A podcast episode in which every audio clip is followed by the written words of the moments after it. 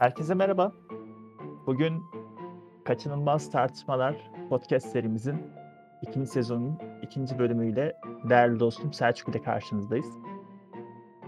Bugünkü podcast konumuzu Cumhuriyet Haftası'ndan dolayı Cumhuriyet olarak belirledik. Fakat e, Cumhuriyet meselesini sadece kendi tarihimizdeki Cumhuriyet'in e, ilan süreciyle ele almak istemedik.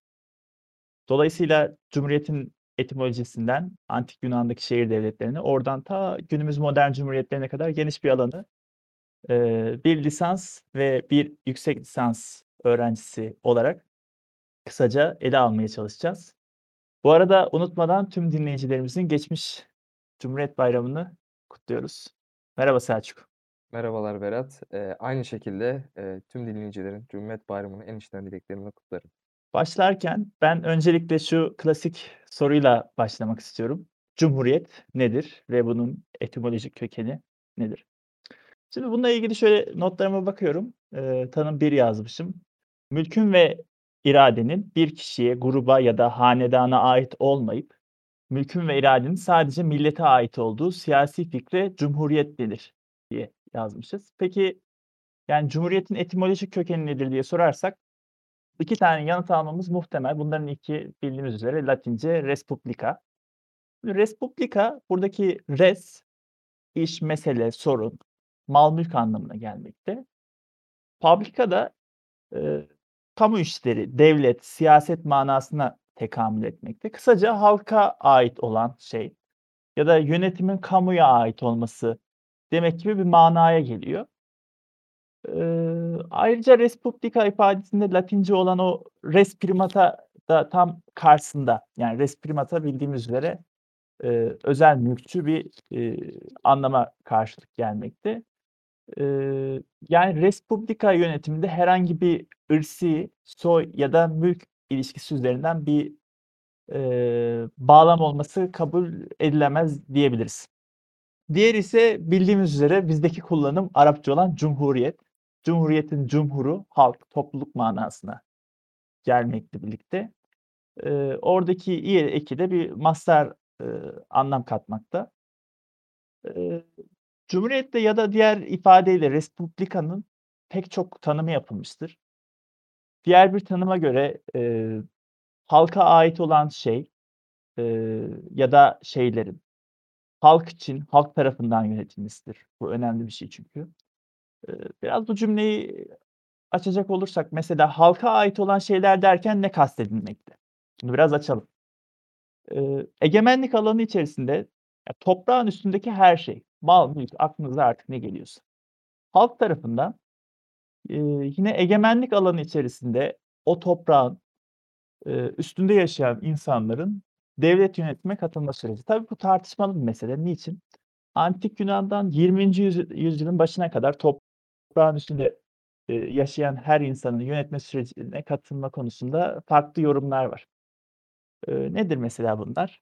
Antik Yunan'da elit, tüccar ya da aydın ya da bazı kitlelere uyan, kriterlere pardon, uyan, çiftçiler oy kullanabilirken diğerleri kullanılamamaktaydı. Kullanamıyordu yani. Ya da 1900'lü yılların, eee, 2'nci yarısına kadar yani 1950'lere kadar hatta bazılarında yine bu Avrupa'da 60'lı yıllara kadar ülkedeki kadınlar, eee, seçme hakkından ve yine seçilme hakkından mahrumdu. Bunlar önemli meseleler açıkçası. Diğer bir önemli konuysa da cumhuriyetle demokrasi arasındaki farklara ben şöyle bir kısaca değinmek istiyorum. Şunu belirtmekte fayda var. Adınızda sadece cumhuriyetin olması sizi cumhuriyetçi bir ülke yapmaz. Demokratik bir ülke hiç ama hiç yapmaz. Bunun örneklerine şöyle yakın tarihten bakmak bile yeterli. Yani 20. yüzyılda yeni kurulan hemen hemen, eee, her devlet kendisine önceki, eee, rejime karşı meşruiyet sağlaması açısından, eee, cumhuriyet eklemiştir. İsmini cumhuriyet Aslında bu cumhuriyet biraz aparatçık gibi de olmuştur da diyebiliriz, eee, meşruiyet açısından. Iıı, mesela Sovyet, eee, Sovyetler ya da sosyalist cumhuriyetler en basit örneğiyle Naziler sonrası, eee, Almanya 2'ye bölünüp, eee Almanya 2'ye bölünüp yeniden kurulmasıyla Sovyet yanlısı bizim bu, eee, Doğu Almanya dediğimiz devletin adı Alman Demokratik Cumhuriyeti. Eee, bu ülke ne demokratik ne de bizim bugün için anladığımız şekilde bir cumhuriyetti. Eee, ya da diğer ve bence, eee, en komik örneklerden biri Kuzey Kore. Yani Kuzey Kore'nin resmi adı biliyorsunuz ki Kuzey Demok Kuzey, eee, Kuzey Kore'nin resmi adı Kore Demokratik Halk Cumhuriyeti. Yani, eee, sizin ülkenizin adının cumhuriyet hatta demokratik bir cumhuriyet şeklinde olması sizi cumhuriyetçi bir ülke de yapmıyor. Demokratik bir ülke hiç hiç yapmıyor. Eee, dolayısıyla cumhuriyet tek bir form da değil yani. Tarih boyunca oligarşik cumhuriyetler ve demokratik cumhuriyetler olmuştur.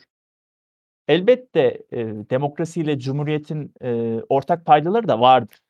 Eee, bu en basitiyle de halktır. Yani ikisinin de merkezinde halk vardır. Fakat, ııı, cumhuriyetle, eee, cumhuriyeti demokrasiden ayıran esas şey demokrasinin aksine, eee, cumhuriyetin belli sınırlarının olması. Eee, demokrasilerde bu tarz kısıtlamalar olmadığından ötürü kimi zaman, eee, demokrasi treni eee, treninin son durağı çoğunlukçu bir tiranizme de dönüşebilmektedir. Eee Bildiğimiz üzere tarih boyunca cumhuriyet şekilleri var. Yani klasik dönem cumhuriyetleri. Klasik cumhuriyetin, eee, tanımı, Atina ve Roma örnekleri. Ben burada şuna şöyle bir kısaca değinmek istiyorum. Cumhuriyetin tarihi içerin içerisinde serüvenini 4 ana kısma ayırabiliriz. Bunların, eee, ilki Antik Yunan'daki şehir devletleri ve Roma Cumhuriyeti'dir. İkincisi Orta Çağ'daki özellikle İtalya'daki kent ve, eee, deniz cumhuriyetleridir.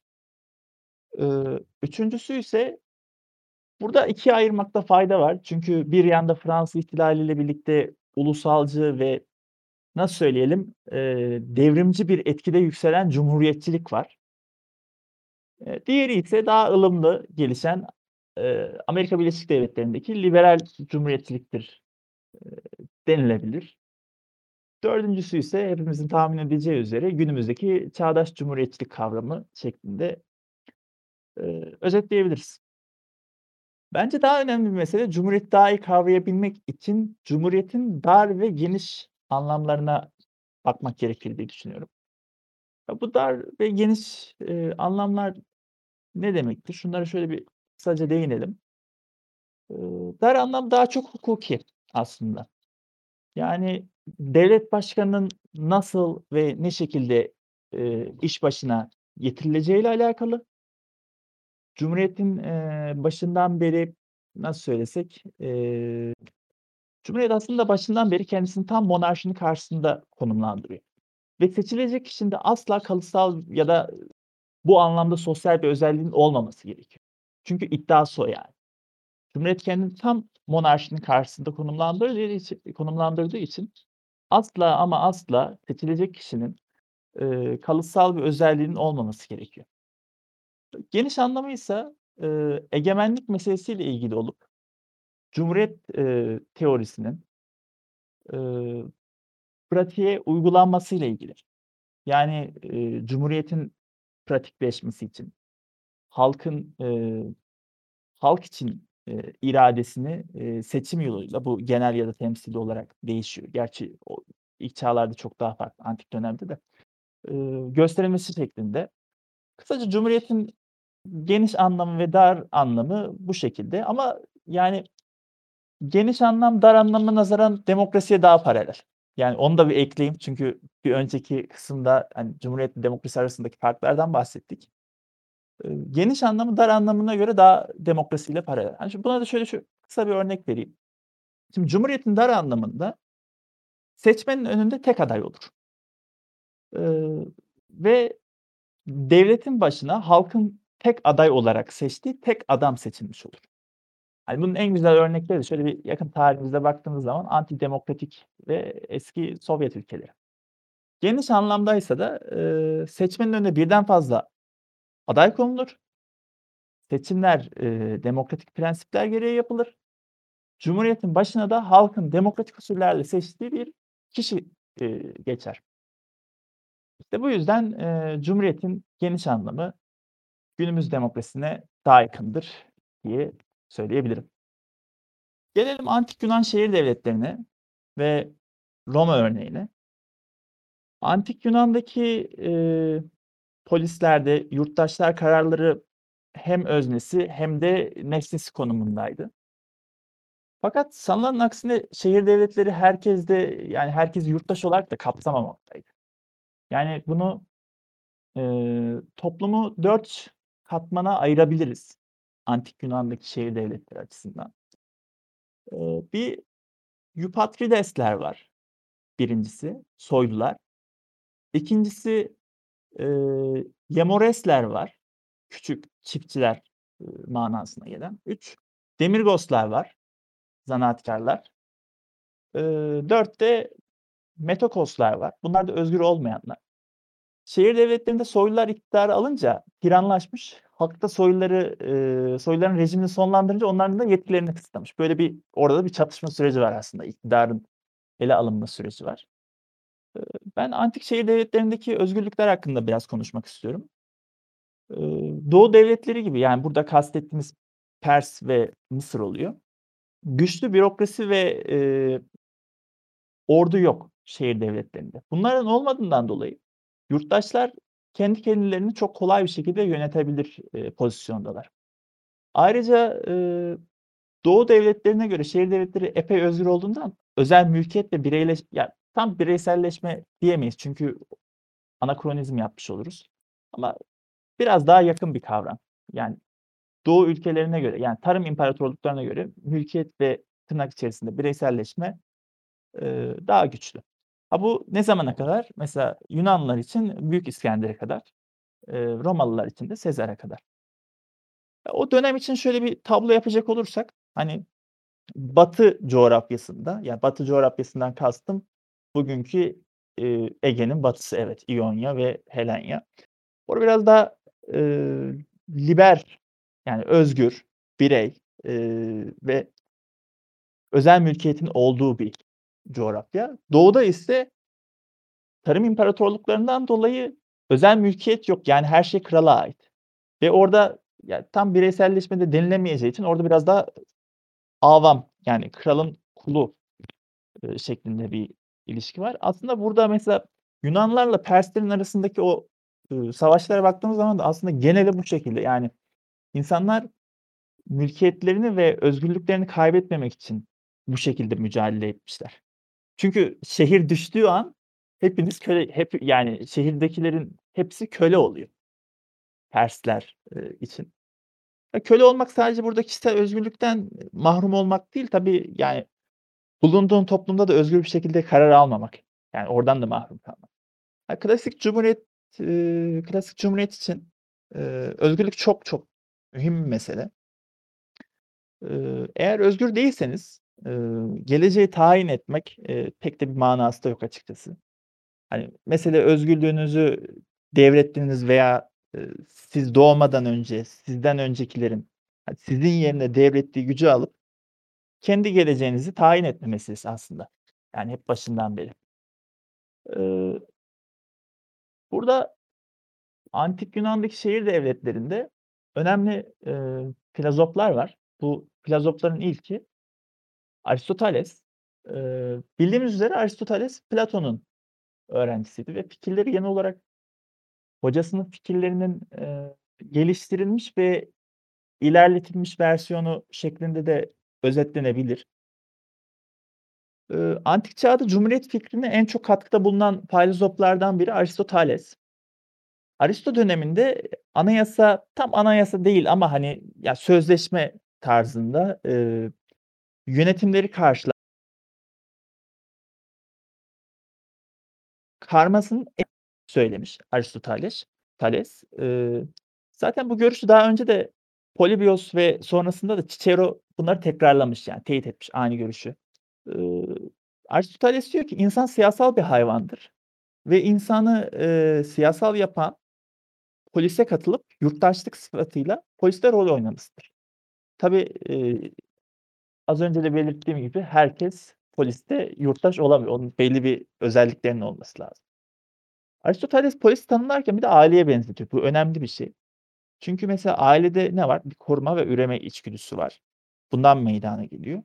Fakat, eee, aile sadece nasıl söyleyelim, aile olarak bir şey yapamıyor tabii ki. Ya, dolayısıyla kendinden daha büyük bir topluluğa ihtiyaç duyuyor duyuyor.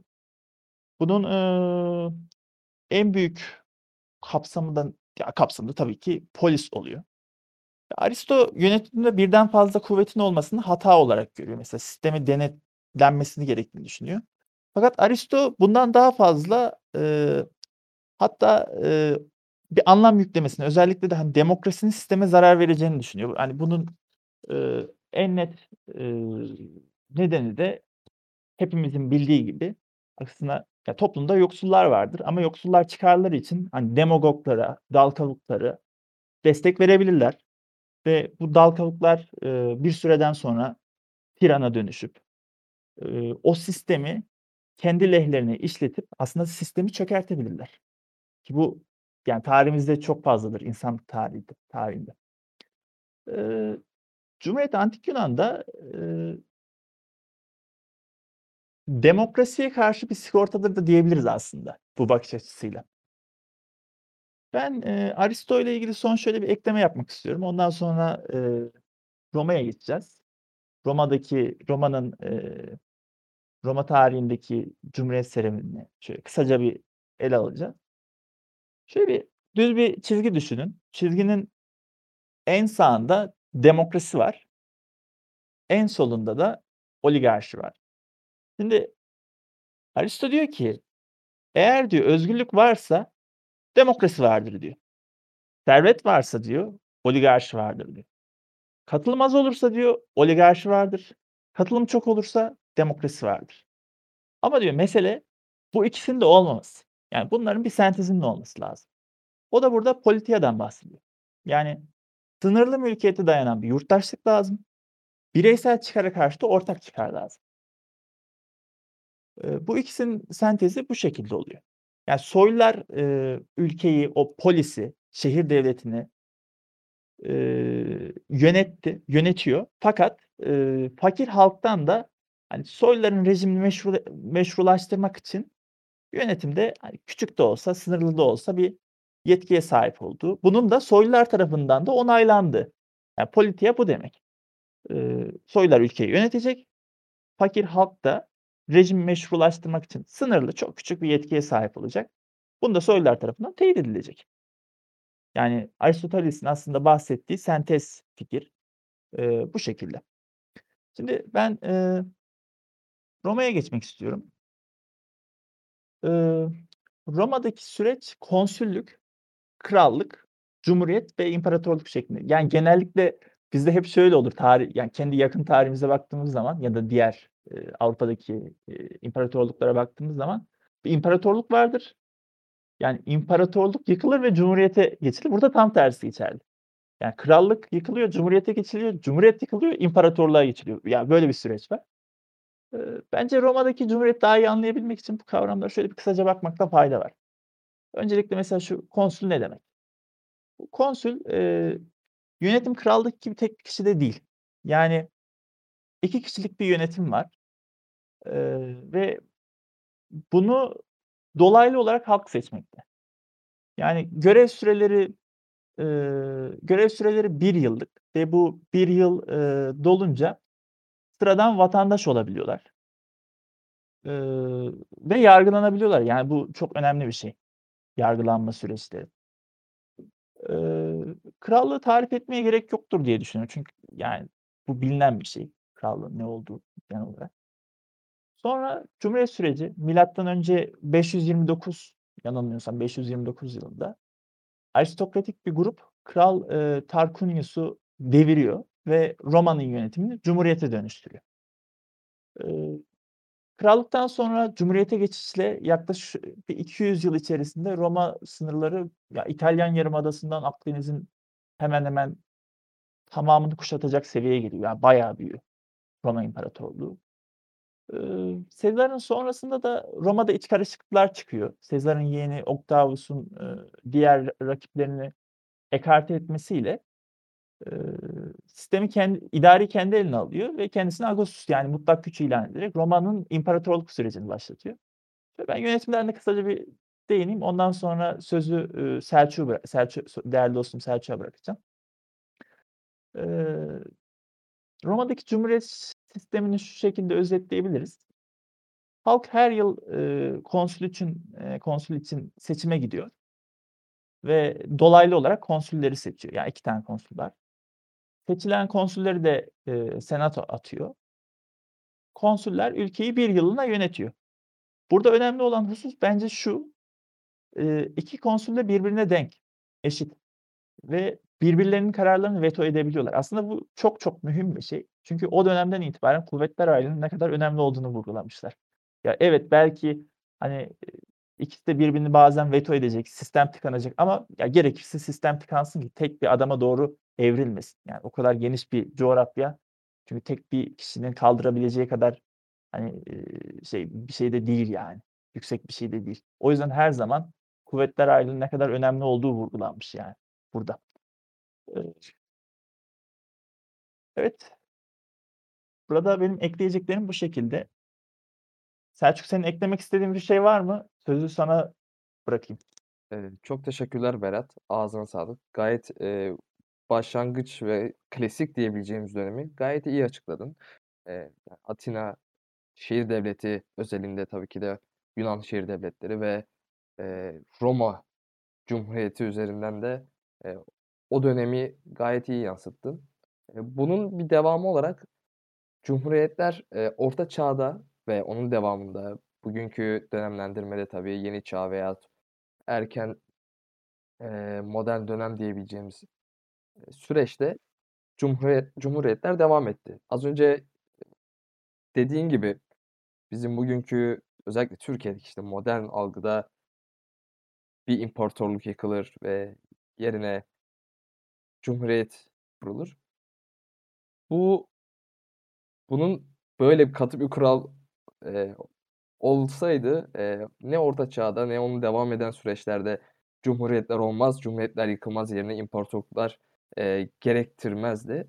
Demek ki, eee, her sistemin olumlu yanları olduğu gibi eksikleri, zaafları var ve birbirlerini bu şekilde gideriyorlar. Kesinlikle. Roma'nın Cumhuriyet sürecine geçişini ben biraz, ııı, bahsetmek istiyorum. Biliyorsunuz ki Roma emperyal olarak önce İtalya daha sonra da bu Akdeniz'e doğru yayılırken, eee, respublika fikrini de pratikte de yaydı. Yani Roma'nın istila ettiği toprakların üstünde, eee, yaşayan insanların da ya kısmen yurttaşlık bilincinde, yani, gelişmiş olduğunu da söyleyebiliriz. Iıı Roma yönetiminde senatonun ağırlık kazanması da, hani, istikrarı arttırmadığı gibi artan nüfuslarla birlikte problemler de arttı o dönem içerisinde. Özellikle kırsal bölgelerin ekonomik sorunları vs. Bu da Cumhuriyet'te, eee, krizleri krizle boğuşmasına neden oldu. Ya, özellikle milattan önce 2. yüzyıl civarında. Şimdi milattan önce 81'inci yıla milattan önce 81'e geldiğimizde senato içerisinde tabii güç mücadeleleri her zaman vardı ve daha da arttı. Milattan önce 60'lı yıllarda istikrarsızlığı çözmek için, eee, Pompeius, Crassus ve Sezar'ın içinde bulunduğu, eee, 1'inci üçlü yönetim ortaya çıktı. Fakat bu üçlü yönetim de kısa bir süre içerisinde kendi aralarında bir güç mücadelesine girişti. Bunun da, eee, galibi tarihten de bildiğimiz üzere Sezar oldu ki Sezar milattan önce 46'da kendisini ömür boyu imparator ilan ediyor. A, tabii Sezar, ııı, o dönem içerisinde çok kısa bir süre içerisinde büyük işlere imza atıyor. Ya, Roma'nın sınırlarının genişlemesi açısından. Hem de medeniyete ol yani hem medeniyete hem de pek çok alanda Roma'nın, ııı, katkılarından dolayı. Ama yani Sezar'ın o icraatları vs. bizim şu an konumuz olmadığı için, yani orayı ben şöyle bir pas geçmek istiyorum. Eee, Sezar sonrası bu arada Sezar, ııı, öldürüldükten sonra 2'nci bir üçlü, eee, yönetim oluşturuluyor. Orada da, eee, Octavius Marcus ve Emilus tarafından ikinci bir üçlü yönetim kuruluyor ama o da ilkindeki gibi çok kısa bir süre içerisinde dağılıyor ve o üçlü yönetimin içerisindekiler yine birbirlerine karşı güç mücadelesine girişiyorlar. Burada önemli olan şey şu. Octavius, eee, Sezar'ın yeğeni ve evlatlığı aslında. Yani bunun da yani Sezar'ın hem yeğeni olması hem de evlatlığı olması önemli de bir meşruiyet yaratıyor kendisinde. Eee, bu güç mücadelesinde namağlup ayrılıyor. Yani zaferle ayrılan Octavius oluyor. 4 yıl sonra da kendisini Augustus ilan ediyor. Yani mutlak güç, imparator tarzında kendisini, eee, mutlak güç ilan ediyor. Tabii bundan sonra, eee, tüm yetkileri eline aldığından dolayı Cumhuriyet ideolojisi çözülürken monarşi fikri güçlenmeye başlıyor. Eee, kendisinden sonra da kimin kral olacağı değil, eee, Roma'nın istikrarsızlığı tarzında artık bunlar, eee, konuşulmaya başlanıyor. Eee, bir de şu var, o dönemde bazı düşünürler var. Bu antik Yunan'da ben, şeyden bahsetmiştim, Aristoteles'ten bahsetmiştim. Şimdi Roma'da da Polybius var. Milattan önce 200 yılında Megapolis'te aristokrat bir ailenin evladı olarak aslında dünyaya geliyor. Ondan biraz bahsetmek istiyorum şöyle kısaca. Eee, Polybius diyor ki, Roma'nın başarısı diyor anayasasından dolayıdır ve o dönem için en iyi anayasa da diyor Roma'nın anayasasıdır. Bak bunu iddia ediyor mesela. O da tıpkı yani Aristoteles, Platon, Aristoteles gibi yönetimleri krallık, aristokrasi ve demokrasi şeklinde sıralıyor ve en iyi yönetimin aslında hiçbiri olmayıp üçünün sentezi olduğunu düşünüyor. Yani karma rejimden yana. Eee, fakat burada önemli bir husus var. Bu, eee, yani meş monarşi aristokrasi ve demokrasi arasında denge herhangi bir gruptan yana olmamalı. Yani hepsi de birbirine denk olması lazım. Şimdi monarşi yetersizliklerinden dolayı zorbalığa, tiranlığa dönüşebiliyor. Bu gerçek. Yani seçkin sınıf bu yozlaşmaya tepki gösterip birden aristokrasi ilan ediyor. Herhangi bir ülkede bu olabilir yani. Bu aristokrasi ilan edildikten sonra da yine belli bir süre içerisinde bu oligarşiye neden olabiliyor. Oligarşiye tepki gösterenler de, demokrasiye getiriyor, ülkeyi demokrasiye getiriyor ve o dönem içerisinde, hani, demokraside de adaletsizlik, kanunsuzluk ve çoğunluğun tiranlığına gittiği için o da yani demagoglar vs. aracılığıyla o da, işte, sistemi tamamen, eee, tıkamış oluyor. Diğer önemli bir, eee, düşünürse Cicero. Eee, Cicero biliyorsunuz hukukçu ve Roma konsülü olarak görev yapmış. Önemli de siyasi de bir düşünür yani. Çok önemli eserleri var. De Republica, eee, devlet üzerine ve yasalar üzerine diye kitapları var. Çok meşhur kitapları. Aslında Cicero da hem Aristoteles hem de, eee, düşündüğü tarzda bir karma rejimden yanalar. Yani ne demokrasi, ne monarşi, ne de aristokrasi. En iyi yönetimin bu üçünün bir sentezi olduğundan yanalar. Eee, yani şu an için, eee, antik çağ, antik, eee, Yunan'daki şehir devletleri ve, eee, Roma Roma'nın Cumhuriyet serüveniyle ilgili anlatacaklarım bu kadar. Eee, bir sonraki konumuz Orta Çağ Orta Çağ'daki, eee, özellikle merkantilist cumhuriyetler. Denizci cumhuriyetler. Bunların, eee, önemli örnekleri Venedik, Floransa, Cenova gibi devletler. Ben bununla ilgili sözü şu an değerli dostum Selçuk'a devrediyorum. Teşekkür ederim Berat. Eee, aynı zamanda, eee, antik dönemdeki filozoflardan ve düşünürlerden bahsettin ki bunlar, eee, çalışmalarını büyük oranda siyaset teorilerine yormuşlardı ve o dönemdeki mutlak güçte ve, hakimiyette bir devlet yaratma modeli oluşturuyorlardı. Eee, bu yazarlardan, düşünürlerden aynı şekilde, eee, Rönesans'ta çok fazla, eee, düşünür etkilendi. Eee, ve o dönemki devletler, eee, tabii ki Rönesans'ın zaten fel eee, doğuş olarak, yeniden doğuş olarak klasiğe öykünmesi o yazarların, o, eee, siyaset felsefecilerinin tekrar gündeme gelmesini sağladı.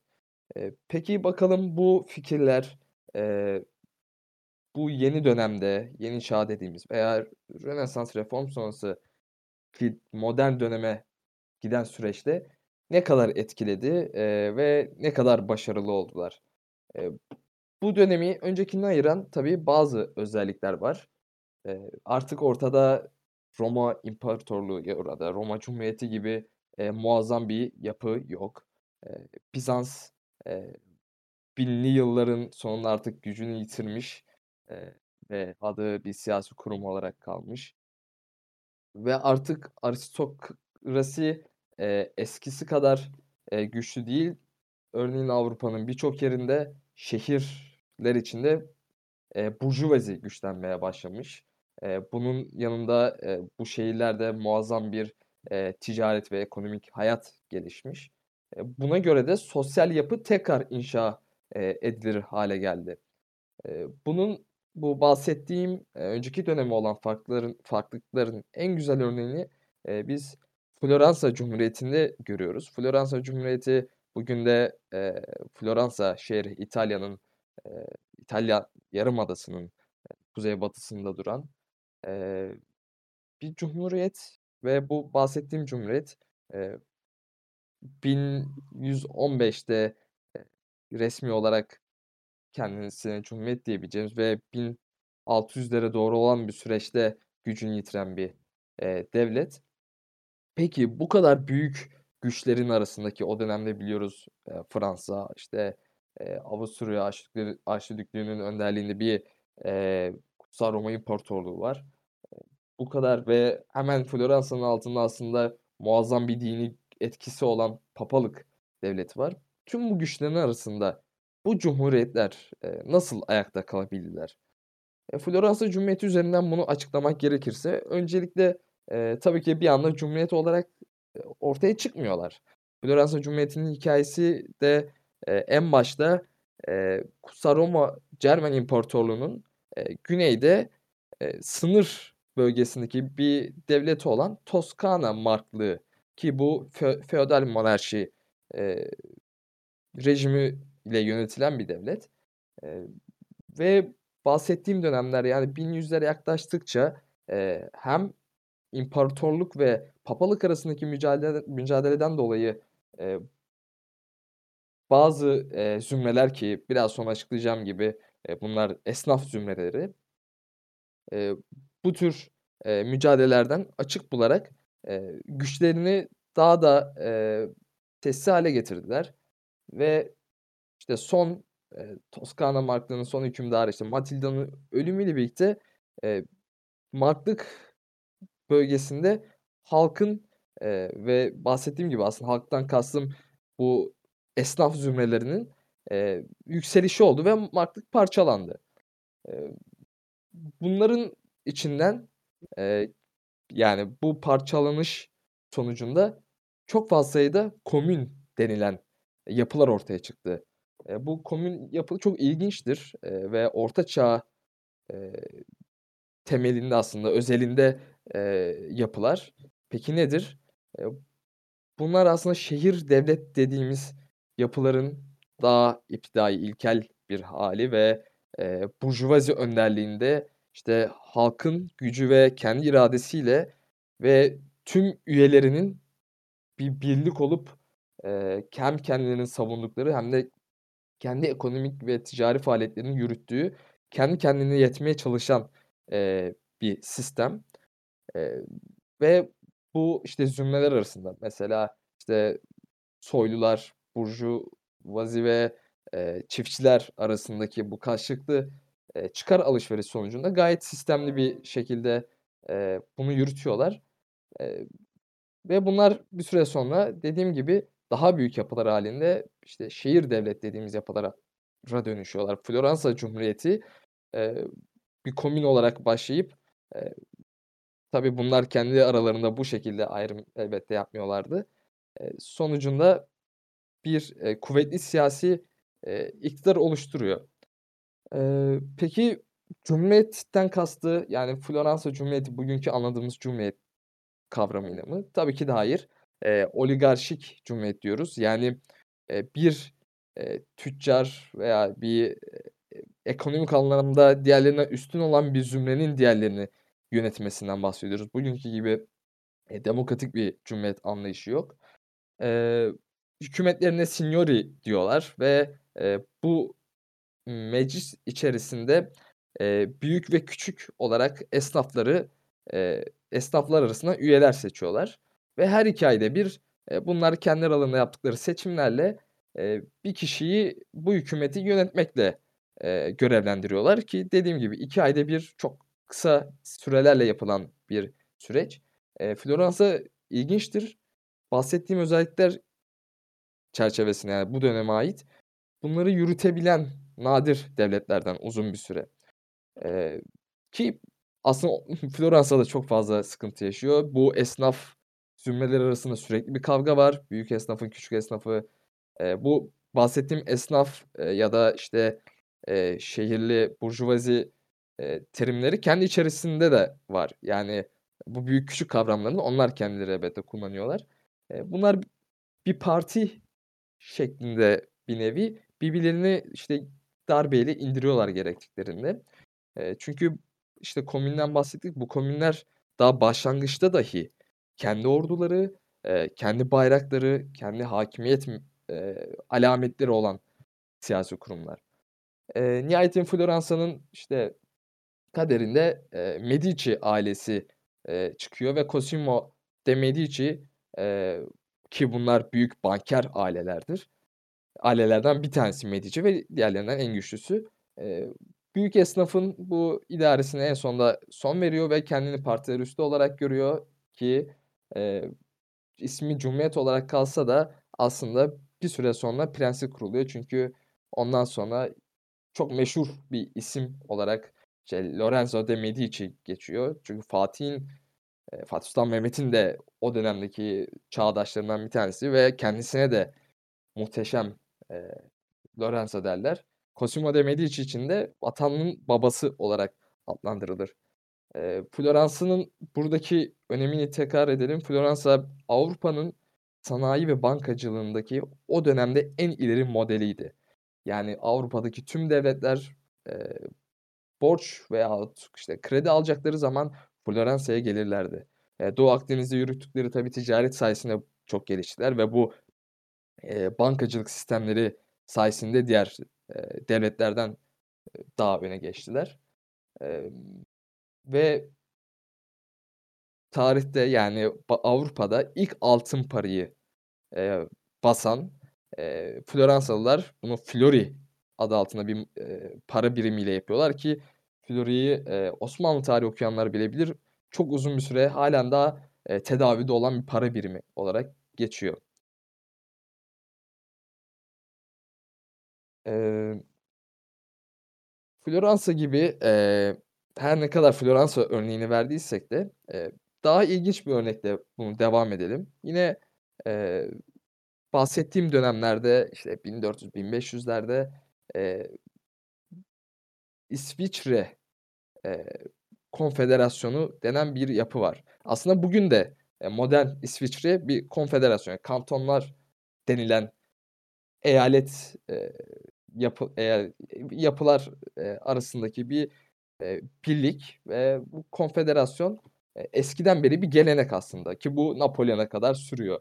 Eee, Napolyon döneminde bunun eski veya yeni olarak, eee, adlandırılması koyuluyor. Eee, bunlar ilk başta, eee ticaret yollarının güvenliği bu kantonlar arasında, eee, ve, işte, ortak çıkarları korumak, eee, dışarıdan tehdit geldiğinde birlikte hareket etmek için bir anlaşma imzalanıyor. Eee, fakat dediğim gibi bunun, eee, bir, işte, Floransa Cumhuriyeti gibi bir yapı olarak düşünmemenizi isterim. Eee, bu, eee, en nihayetinde bir konfederasyon, eee, ve diğerine göre daha gevşek bir, eee, birliktelik var.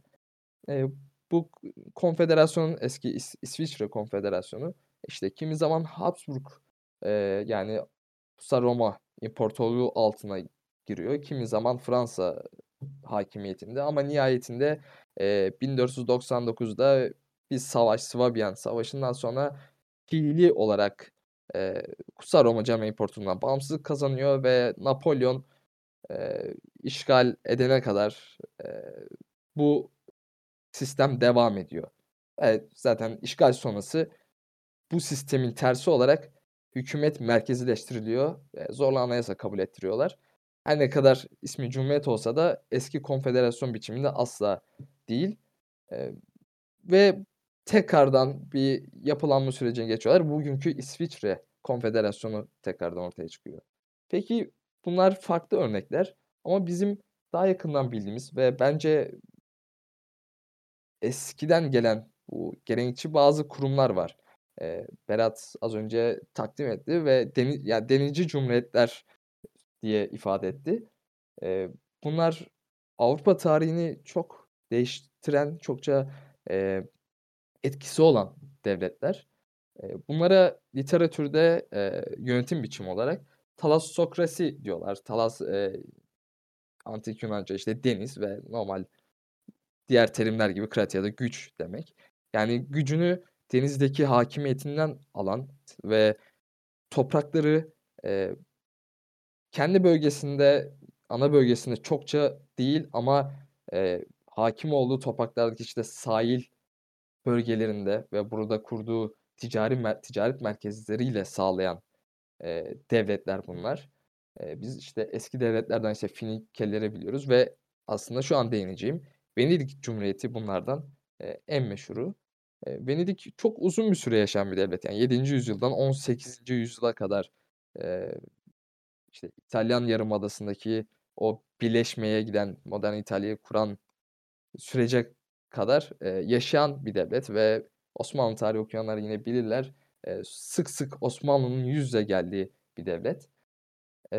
Bizans'ın bir eyaleti aslında Venedik. Sonradan, Bizans gücünü yitirdikçe kendisi bağımsızlık kazanıyor. Burada tarihinden ziyade, kısaca nasıl bir idari sistemleri var ondan bahsedelim. Aslında Cumhuriyet'in ilk dönemleri gayet, eee, otokratik bir yönetim sistemi var.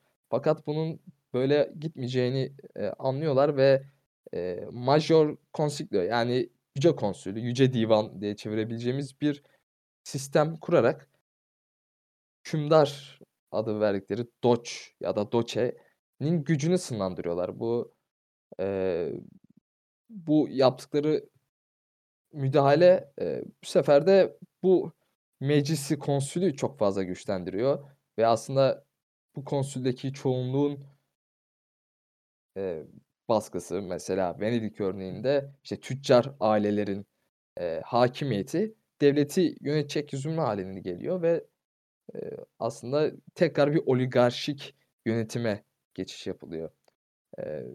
İşte, Berat, bahsetti yine eski filozoflar siyaset üzerine, bu tür, bir ideal model ortaya çıkarmaya çalışıyorlar. Venedik bu karmaşık modeli uygulayan devletlerden bir tanesi.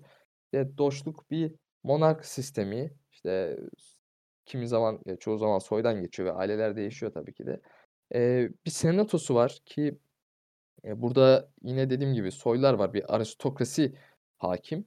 Eee, ve daha, eee, halkın, eee, özgür vatandaşların katılabildiği Consiquio cons eee, dedikleri bir meclis de var. Eee, bu karmaşık sistemi tatbik eden devletlerden bir tanesi. Venedik'e oldukça benzeyen, yine bizim Osmanlılar olarak, eee, karşılıklı iletişimde bulunduğumuz Ceneviz Cumhuriyeti ya da Cenova, Avrupa'daki fonetiğine göre. Eee, 11. ile 18. yüzyıllar arasında, bu Ceneviz Cumhuriyeti, hüküm sürüyor ve asıl gücünü şuradan alıyor. Bizans'ın Latin istilası sırasında Bizans devletine yardım ediyor kurtulmasına ve Bizanslılar onlara gayet önemli yerlerde, imkânlar sunuyorlar. Yani onlara Galata'da bir yer veriyorlar. İşte, Karadeniz'de, Kefe'de onların ticaret merkezi kurmasına izin veriyorlar ve aslında en önemlisi bu denizlerde başka bir denizci devletin eee, seyr sefer etmeme garantisini veriyorlar ki bu zaten Ceneviz'i Ceneviz yapan, eee, müdahalelerden bir tanesi oluyor. Çok fazla zenginleşiyor. Hatta bir süre sonra denizlerden ziyade ki zaten Osmanlı bu bölgelerde mutlak bir hakimiyet sağlamaya başladıkça, oradaki eli ayağını da çekmek zorunda kalıyor Ceneviz. Ama hâlen daha, eee, bankacılık sisteminde, eee, Avrupa'da güçlü bir ses olarak devam ediyor. Eee, biraz daha hızlanırsak, eee, ileriki dönemlerde, yani erken modern dönem diyebileceğimiz, işte 17-18. yüzyıla doğruki süreçte, eee, farklı cumhuriyet veya cumhuriyetimsi yapılar görüyoruz. Neden cumhuriyetimsi dedim?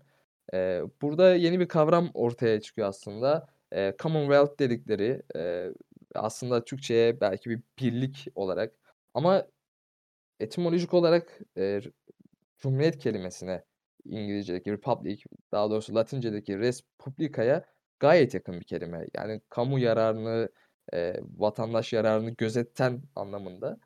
Eee, ama bizim, eee, tarihsel olarak örneklerde farklı anlamlarda da kullanılıyor. Mesela Polonya-Litvanya birliği, eee, Osmanlıların tabii Lehistan dedikleri, eee, ülke, gayet nevi şahsına münhasır bir devlet aslında. Eee, 1386'da 2 ailenin evlenmesiyle Polonya ve Litvanya fiili olarak birleşmiş gibi, eee, aynı hanedandan devam ediyor. Tabii bu resmî olarak da 1569'da, eee, tek parlamento, eee, çatısı altında birleşerek, eee, 2 devleti tek bir hanedanın yönetmesi sağlanıyor, eee, ve parlamento kuruluyor. İlginç bir şekilde, eee, Sejm dedikleri parlamento, eee, asıl nüfusu soylular hâkim. Fakat az önce, işte, ilginç tarafından bahsettim. Bu soylular, eee, son eee, hanedan üyesi öldükten sonra, eee, şöyle bir karar alıyorlar. Yerel yönetimlerle bağlantısı olmayan, tamamıyla yabancı birisini kral olarak seçelim ve bu, eee, yani Polonya-Litvanya birliğinin tahtı konusunda hem Osmanlı hem Fransa hem Avusturya çok fazla, eee, tartışmalar dönüyor. Eee, çünkü soylular kendi aralarından seçmek istemiyorlar ve birisi buna talip olunca genellikle onu indiriyorlar. Eee, bu sistem, eee, belki de, işte, meşrutu monarşinin veyahut, işte, federasyon gibi, eee, demokrasinin daha bugünkü modern formlarının öncüsü kabul ediliyor, eee Avrupa'daki literatüre göre. Emm, aslında burada yine bir birlik olarak adlandırılabilecek ve cumhuriyete aslında cumhuriyet, eee, olan, eee, İngiltere'deki kısa bir süreç var. Berat burayı da, eee, sen aktarabilirsin. Selçuk, önceki meseleleri gayet güzel, eee, bir şekilde ifade ettin. Çok teşekkür ederim. Evet, bu İngiltere'deki Commonwealth süreci, eee, ilginç bir mesele. Buradaki Commonwealth'i, eee, belki belki değil, ortak refah olarak da, Evet. çevirebiliriz. O anlamda, hani, res publica'ya da benzer dedin ya, o anlamda ortak refah, evet, res publica, kamunun mülkü, benzerlik taşımakta. Eee, 1642 ile 49 arasında İngiltere'de bir iç savaş yaşanıyor. Bunun, eee, nedeni ise Elizabeth, eee, dönemi sonrası yaşanan istikrarsızlık ve bu 30 yıl savaşlarının ekonomik faturası 1642 yılında İngiltere'de bir iç savaşa neden oluyor. Bir tarafta monarşistler var, bir tarafta parlamentocular var. Iıı, parlamentocuların lideri aslında bir çiftçi olan, ııı, Oliver Cromwell. Daha sonradan, ııı, parlamento üyesi ve parlamento üyesi olduktan sonra da parlamentocuların lideri oluyor. E, monarşistler de kral yanlıları, ııı, takdir edeceğiniz üzere. Ve Oliver Cromwell, yani parlamentocular savaşı kazanıyor, iç savaşı. İç savaşı kazandıktan sonra, ııı, Kral 1. Charles'ın karşısına çıkıyor Oliver, eee, Cromwell ve diyor ki, yani, "Yetkilerinin sınırlandırılmasına izin ver. Ya, parlamentonun güçlendirilmesine izin ver." O da bu, ııı, kraliyetin Tanrı'dan geldiğine inanıyor ki çoğu Avrupa ülkesinde kraliyetler o şekildedir. Yani kendisinin aslında hem bir soyu olduğuna hem de bunun Tanrı'nın eee, Tanrı tarafından verildiğine inandıkları dolayısıyla ya bu pazarlık meselesi dahi yapılamaz deyince de yani pa parlamento yanlıları direkt idam ettiriyorlar, eee, Kral 1. Charles'ı ve, eee, Cromwell hem lord hem de parlamento reisi olarak İngiltere'yi 30 yıl idare ediyor. Yaklaşık 30 yıl. Ama şimdi ilk başta, eee, Kral 1. Charles'a denilen şeyler evet gerçekten yapılıyor. Parlamento güçlendir vs. ama, eee, süreç yavaş yavaş artık Cromwell'in, eee, diktatörlüğüne doğru dönüşmeye başlıyor. Öyle ki yani, eee Cromwell öldükten sonra eee, mezarı açılıp yani paramparça ediliyor. Londra sokaklarına atılıyor ki o kadar yani, eee, tiran bir dönem geçmiş döneminde. Ya bet tabiri caizse hani beterin beteri var denilerek o yüzden İngilizler yani Cumhuriyetten nefret ederler o anlamda. Çünkü kötü bir örnek olmuş Commonwealth of England, eee, tarihlerinde. Yani hem, eee, ülkelerinde o istikrar yakalanamamış hem de kötü bir süreç yaşamışlar. Bu, eee, yanılmıyorsam Cromwell öldükten 2 yıl sonra falan geri bu öldürülen, idam edilen 1. Charles'ın, eee, oğlu sürgünden geri çağrılıyor ve o kral yapılıyor. Deniyor ki siz sen bizim kralımız ol diyorlar. Ondan sonra sürgünden geri çağırıyorlar. Bu 2. Charles döneminde de parlamentoyla uyumlu bir şekilde çalışıyor. Aslında hani bu yavaş yavaş İngiltere'nin, eee, anayasal bir monarşiye doğru gittiğinin de sembollerinden biri. Zaten bir sonraki aşamada, eee, Kral 3. 3. William yanılmıyor yanılmıyorsam 3. William döneminde de anayasal zaten monarşi oluyor. Yani meşrutiyete geçmiş oluyorlar. Iıı İngiltere'nin Cumhuriyet serüveni bu şekilde. Yani çok kısa bir Cumhuriyet tecrübeleri var ama çok talihsiz de bir Cumhuriyet tecrübeleri var. O yüzden mesela hâlâ günümüzde ya şimdi Avrupa'nın modern ülkelerin çoğu işte Almanya, Fransa ki Fransa bunların ilk önderleri. E, Cumhuriyet rejimine geçmişler. Ondan sonra neden Birleşik Krallık hâlâ bir krallıkla yönetiliyor? Aslında bu bunun bir cevabı. Ya kendi tarihlerinde bir, eee, Cumhuriyet tecrübeleri olmuş ve bu başarısız bir tecrübe olmuş. Eee, İngiltere tarihi açısından. O yüzden şu an ki şu ana kadar, ııı, anayasal monarşi şeklinde, meşrutiyet şeklinde gayet de iyi bir şekilde bence bu süreci devam ettirdiler. Ki şöyle de bir şey var. Yani ülkenin adında cumhuriyet olup da ne cumhuriyetle yönetilen ne de ileri demokrasi olan ülkeler var. Bunların Orta Doğu'da ve çeşitli bölgelerde örnekleri çok fazla. İngiltere bir krallık olarak yani demokrasinin en ileri giden ülkelerinden birisidir. Yani hep parmakla gösterilen ülkelerden birisidir. Ki Avrupa'da yani bunun örnekleri de çoktur. Yani sadece İngiltere değildir. Hollanda da, ııı, kraliyetle yönetilmektedir. İsveç de, eee, kraliyetle yönetilmektedir. Ki bunlar iyi İspanya da. sembolik Eee, doğru İspanya da. Aynen öyle. İspanya da kraliyetle yönetilmektedir. Yani bu kraliyetle yönetilmesi tabii sadece şey değil. Eee, burada mesela bildiğiniz üzere kraliçe, ü Amerikan başkanı gibi değildir yani. Sembolik bir yetkiye sahiptir. Aslında parlamenter monarşinin, eee, asıl gücü başbakandır. Prime Minister'dır. İngiltere'de de bu şekildedir. İspanya'da da bu şekildedir. Hollanda'da da bu şekildedir. Yani bu Orta Çağ'daki gibi mutlak monarşiler yani var mı bilmiyorum. Belki bir Vatikan vardır ama Vatikan'da da dini bir, eee, teokrasi olduğundan dolayı. Yani geri kalan şu an dünyadaki dünyadaki demeyeyim de Avrupa'daki kraliyetlerin tamamı, ııı, anayasal monarşidir. Dolayısıyla İngiltere'nin de Cumhuriyet serüveni bu şekilde faciayla sonuçlandı ve ardından, eee, anayasal monarşiye geri anayasal monarşiye geçtiler.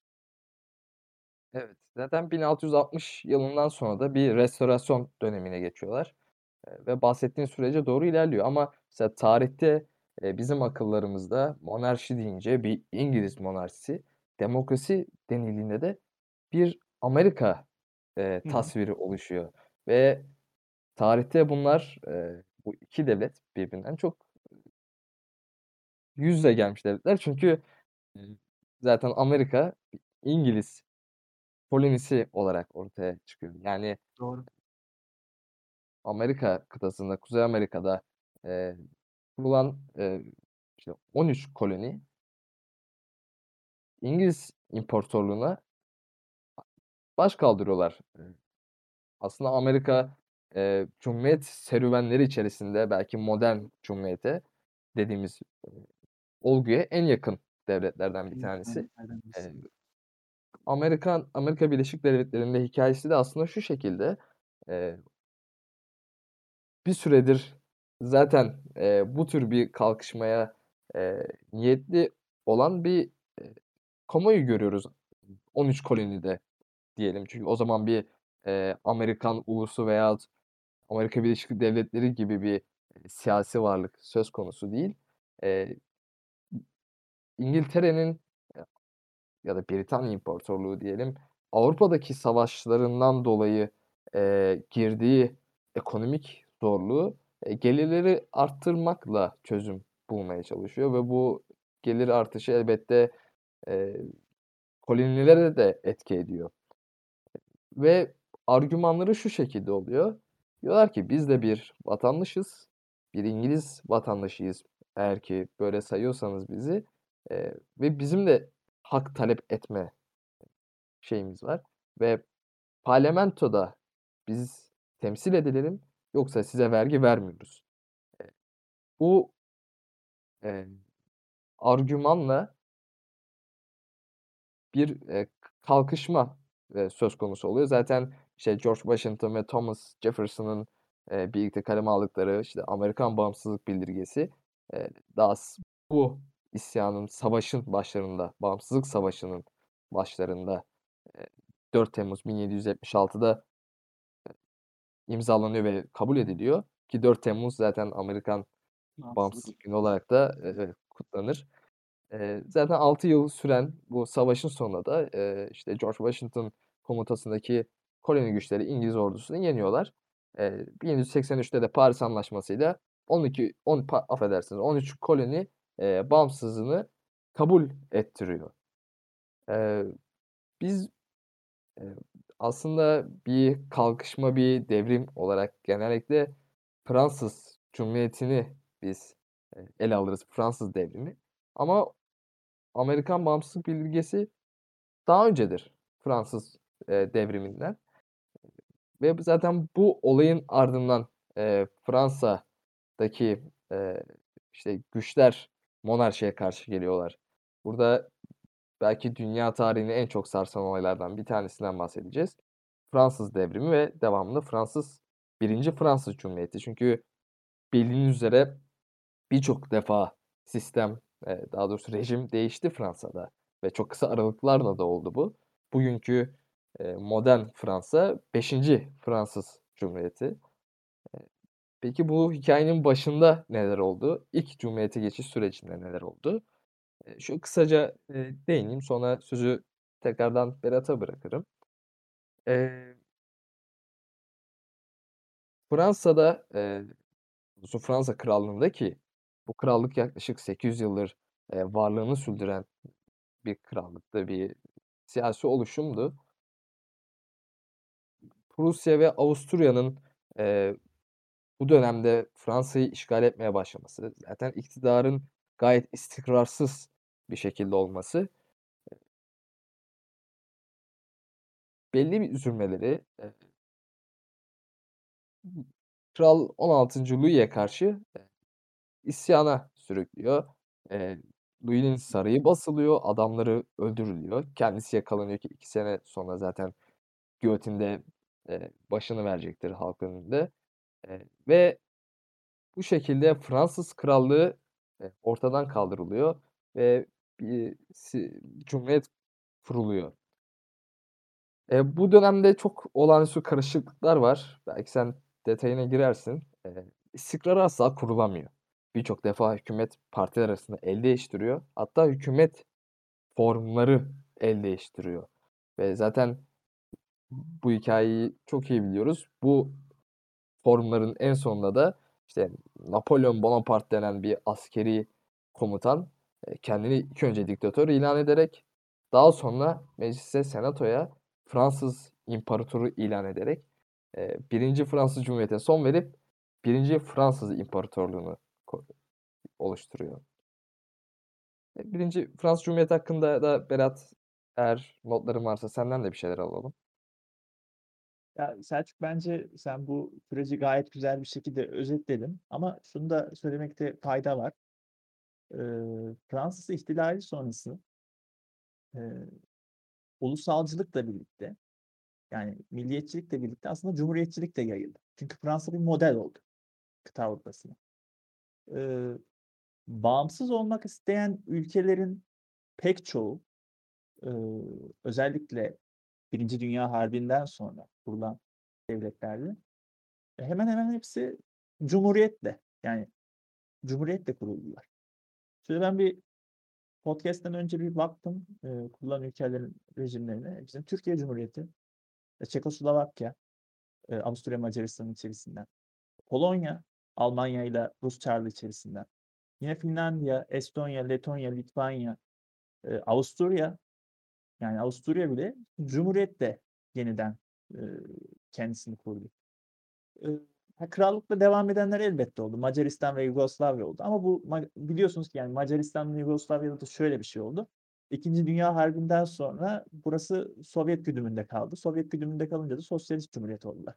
Ha, sosyalist cumhuriyet olması onları gerçek bir cumhuriyet mi yaptı? O ayrı bir tartışma konusu ama yani sonuçta cumhuriyet rejimine geçtiler. Sosyalist bir cumhuriyete.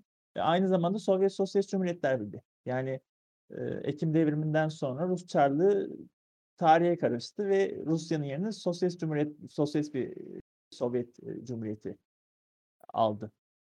Eee, bu 1. Dünya Savaşı'ndan sonra kurulan, öncesi de var elbette. Yani, özellikle bizim kendi tarihimizde, Osmanlı'nın içerisinde, Balkan coğrafyasında ayrılan ülkelerin o zamanki, motivasyonu milliyetçilik. Elbette cumhuriyet felsefesi çok yaygın ama o dönem için krallık deneniyor. Eee, işte Romanya Krallığı, efendim Yunanistan Krallığı, ııı, Sırbistan Krallığı. E, daha sonradan bunlar 1. Dünya Savaşı sonrası çünkü 1. Dünya Savaşı sonrası gerçekten bir rejim fırtınası esiyor yani. Kıta Avrupa'sının hemen hemen, eee, tamamı cumhuriyete geçiyor. Ya, Almanya bile yani şöyle bir ittifak devletlerini saysak, e, Almanya, Almanya krallıkla yönetiliyordu savaş öncesi. Cumhuriyete geçti. Weimar Wei Weimar Cumhuriyeti ve Weimar Cumhuriyeti. E, Avusturya, Macaristan, tamam Macaristan hâlâ krallıkta kaldı ama Avusturya, ııı, yani ondan sonra bizim Osmanlı İmparatorluğu, mesela Osmanlı İmparatorluğu da, ııı dağıldı ve Türkiye Cumhuriyeti arasına çıktı. Evet, yani Bulgaristan vs. hâlâ krallıkla yönetildi. O ayrı, ııı, bir mesele ama, ııı, yani kıta Avrupa'sının neredeyse tamamı, özellikle Fransa olmak üzere, ııı, cumhuriyetin gerçekten etkili güçlerinden oldu. Rejimi, eee, ihraç etme konusunda. E, daha öncesinde zaten şey vs. vardı yani, eee, Portekiz, Fransa ve, eee, İsviçre'de bu tarz bir, eee, republik yönetimler vardı. Ama 1. Dünya Savaşı ve özellikle 2. Dünya Savaşı'ndan sonra artık, ııı, cumhuriyet rejimleri çok fazla arttı. Bu cumhuriyet rejimlerinin, artması başta da değindiğimiz gibi cumhuriyetler oligarşik yönetim ve demokratik cumhuriyet olmak üzere 2'ye ayrılıyor. Ya, hepsinin demokratik cumhuriyet olduğu anlamına da gelmiyor. Yani, ııı, ya Macaristan ya da örnek veriyorum, ııı, şeyden sonra, harpten sonra, 2. Harpten sonra Yugoslavya, Sovyet güdümünde kaldığı için veya mesela Bulgaristan da 2. Dünya Savaşı'na 2. Dünya Savaşı sonrası Sovyet coğrafyasında, yani Sovyetlere bırakılan coğrafyada kaldığı için sosyalist bir cumhuriyet oluştu. Romanya keza o şekilde, Polonya, efendim Çekoslovakya. Bunların hepsi mesela Sovyet, ııı, Sovyet bölgesinde bırakıldığı için, eee, sosyalist cumhuriyetler olarak geçti. Zaten, 2. Dünya Savaşı'ndan sonra elbette çoğu rejim kendisini cumhuriyete, evrildi ama hani Batı bloğundakiler daha çok liberal, demokratik cumhuriyet, doğudakiler de biraz daha otokratik cumhuriyet şeklinde kaldılar. E, dünyada biraz daha baktığımızda, ııı, İran İslam Devrimi oldu. Iıı, İngiltere'nin Hindistan'dan çekilmesiyle birlikte Hindistan bağımsızlığını kazandı ve orada bir Pakistan oluştu. Mesela bu İslam tarihi açısından da önemli bir gelişme. Neden? Çünkü ya Türkiye'yi saymazsak ki Türkiye laik bir cumhuriyet olarak kuruldu. Yani toplumu her ne kadar Müslüman olsa da. Eee, İran bir örnekti mesela ya da Pakistan bir örnekti. Çünkü anayasalarında İslam var. İran İslam Cumhuriyeti. ya da Pakistan. Bunlar önemli örneklerden. Ya da Afganistan tabii Taliban öncesinde. Afganistan İslam Cumhuriyeti. Şu an emirlik olarak giriş yaptılar ama e, benim ekleyeceklerim şu an bunlar. E, ve ben şeye değinmek istiyorum aslında. E, bizim tarihimizdeki cumhuriyet. Yani cumhuriyetin ilanı süreci. Ama biz bunu biraz daha böyle geriden başlatmak istiyorum ben. 1800'lere kadar götürelim. Zaten e, genellikle senedi ittifakla başlar bu da. Yani bizim tarihimizde cumhuriyet neydi? Nasıl karşılandı? Ne anlama geliyordu? E, kısaca ben bundan değinmek istiyorum. Yine burada biz e, Selçuk'la paslaşacağız. Çünkü e, çok önemli bir konu. Eminim Selçuk'un da e, değinmek istediği meseleler e, vardır. E, ya biliyorsunuz ki 1807'den beri Osmanlı padişahları belli, sosyal gruplarla e, mukavele yani anlaşmalar yapıyor. Bunlar kimi zaman A, Yeniçeriler oluyor, kimi zaman ayanlar oluyor. Çeşit çeşit gruplarla padişah aslında iktidarını paylaşıyor. Ya bu bu anlama geliyor. İktidarın pay ediyor. E, kendi iktidarı devam etmesi için. E, bu 1800'lerden beri gücün paylaşacağı ve bunun bir resmi metinle e, deklara edileceği yeni bir Magna Carta fikri bu topraklarda zaten vardı aslında. E, bu fikir e, zamanla meclis ve halk iradesinin de e, oluşmasını sağladı. Yani özellikle e, yeni Osmanlılarla birlikte ve Mithat Paşa ile birlikte ki Mithat Paşa bu fikrin tohumunun e, bu topraklarda filizlenmesinde çok önemli katkılarda bulunmuş. Yani hem yeni Osmanlı ve ardından e, Jön Türkler çok önemli katkılarda Gerçi Jön Türkler biraz daha bu milliyetçi bir damardan geliyorlar ama sonuçta yani Cumhuriyet birden kurulmuyor. Yani birden Cumhuriyet bizde de zaten yani bizim tarihimizde de Cumhuriyet bir, bir anda olmadı. Bunun bir tarihsel serüveni, serüveni oldu. Ee, öncelikle padişahın iktidarı paylaştırıldı. Daha sonradan e, kanuni esasıyla 1876'daki kanuni esasıyla birlikte padişah anayasal e, bir alana sınırlandırılmaya çalışıldı. Bu birincisinde başarısızlıkla sonuçlandı. sonuçlandı. İkincisinde ilkine göre biraz daha başarı elde edildi denilebilir. Ondan sonra ya bizim şu da yanlış bir bakış açısı bence. Yani 1923 öncesinde ya da 1920 öncesinde Türkiye'de seçim seçimler olmadı değil. O Türkiye'de seçimler vardı. Yani Türkiye seçimler hep vardı. Yani tabii Osmanlı'ydı ve Osmanlı'nın da bir e, meclisi var. Son Mebusan Meclisi vardı. Ve buralarda aslında seçimler oluyordu. Ha, o seçimler ne kadar demokratikti, şuydu buydu o ayrı bir tartışma konusu. Ama aslında bizim e, demokrasi tarihimiz yaklaşık 200 yıllık bir demokrasi tarihi ve parlamenterizm üzerinden gidiyor. Yani bu bizim e, demokrasi tarihimiz. İşte az önce de belirttiğim gibi Senedi İttifak, Tanzimat, ıslahat fermanları bunlar önemli şeyler. Yani anayasal monarşiye geçiş aşamasına. E, Mithat Paşa ile birlikte e, o fikrin yani e, yeni Osmanlı Osmanlıların ardından ilerleyen aşamada Jön Türklerin o anayasal monarşi arzusu ve bunun e, hayata geçirilmesi için yaptığı çalışmalar bunlar da kıymetli şeyler. E, ardından zaten 1876 birinci e, meşrutiyet, kanunu esasının ilan edilmesi. O süre çok çabuk bir şekilde şey oluyor. Gerçi e, 93 Harbi'nden sonra Abdülhamit meclisi kapatıyor. Yani bu kapatma anlamına geliyor ama kapat tatile, süresiz tatile çıkartıyor. O meclis döneminde bir şey var. Gücün tekelde yeniden toplanması var Abdülhamit e, merkezinde. Ama yine 1908'de işte bildiğimiz gibi ikinci meşrutiyet ilan ediliyor. E, ikinci meşrutiyetten sonra da e, artık İttihat Terakki'nin daha baskın olduğu, milliyetçi grupların baskın olduğu bir e, iktidar dönemi yaşanıyor Türkiye'de. Bu dönemde tabii yine sopalı seçimler vesaire oluyor. İttihat, İttihat ve Terakki Meclis'te e, çoğunluğu sağlıyor. E, anayasal monarşi konusunda İttihat Terakki'nin de e, belli fikirleri var. Aslında bu Cumhuriyet'in bizim ilk devrimler denilen şeyler İttihat Terakki'de de var olan şeyler ama bu İttihat Terakki'nin o günkü şartlara göre e, bir zemini olmadığından dolayı da bir olabilir. İkincisi dönemin şartları hiç buna elverişli değil. Bir de arkalarında o kadar büyük bir toplumsal, eee, güç de yok. Yani Kurtuluş Savaşı sonrası Atatürk'ün devrimleri zeminle ve arkasındaki güç kadar İttihat Terakki'nin iktidara ilk geldiğinde ki yani kısa bir süre sonra Balkan Harbi başlayacak ve belki de Türk tarihinin en büyük hezimetlerinden biri yaşanacak süreç içerisinde. E, onun da bir, eee, faturası var ve yani ülkede kötüye giden bir sürü iş var. Bunları düzeltmek gerekiyor ama faturalar ve kamburlar giderek, eee, birikiyor. E, bu dönemde de bir şey yapılamıyor ki kısa bir süre sonra 1. Cihan Harbi başlayacak.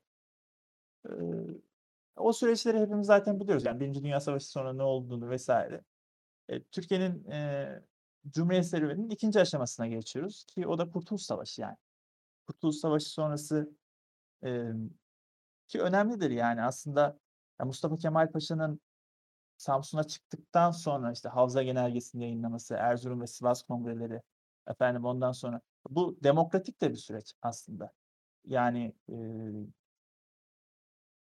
Erzurum ve Sivas kongrelerinin yapılması halkta da bir meşruiyet arayışının, eee Kurtuluş Savaşı'nı yapan kadroların meşrutiyeti halkta aradığının da bir göstergesi. E, meclisin, eee, Ankara'da, eee, kurulması, eee, ardından mesela 1921 kanun şey, eee, Teşkilat-ı Esasiye'nin yayınlanması, 1921 Anayasası'nın yayınlanması. Ya, bu bence şöyle bir şey, yani Teşkilat-ı Esasiye'ye baktığımız zaman zaten eee, yani adı konulmamış bir cumhuriyete geçildi denilebilir yani. Ya, buna niçin diyorum? Yani egemenlik kayıtsız ve şartsız milletindir diyor. Ya, bundan daha büyük ne olabilir ki zaten? Cumhuriyet dediğin nedir ki? Başta da belirttiğimiz gibi halkın egemenliği yani. E, 2. aşama ne? Teşkilat-ı Esası Kanunu'ndan sonra. Ha, Teşkilat-ı Esasiye yayınlandığında 1921'de hâlâ İstanbul'da bir şey var, padişah var, doğru.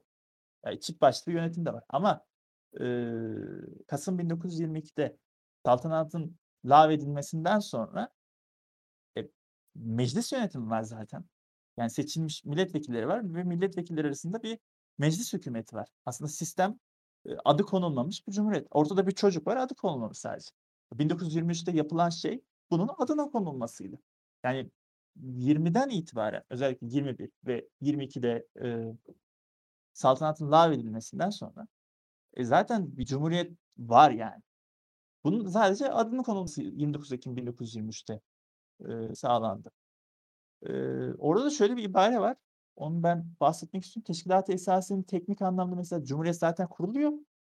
Eee, ikisinde de mesela şeyi değiştiriyorlar. Eee, yanılmıyorsam bir madde değiştiriliyor. Yani, eee şu an o terimi unuttum. O yüzden, eee, bunu es geçeceğim.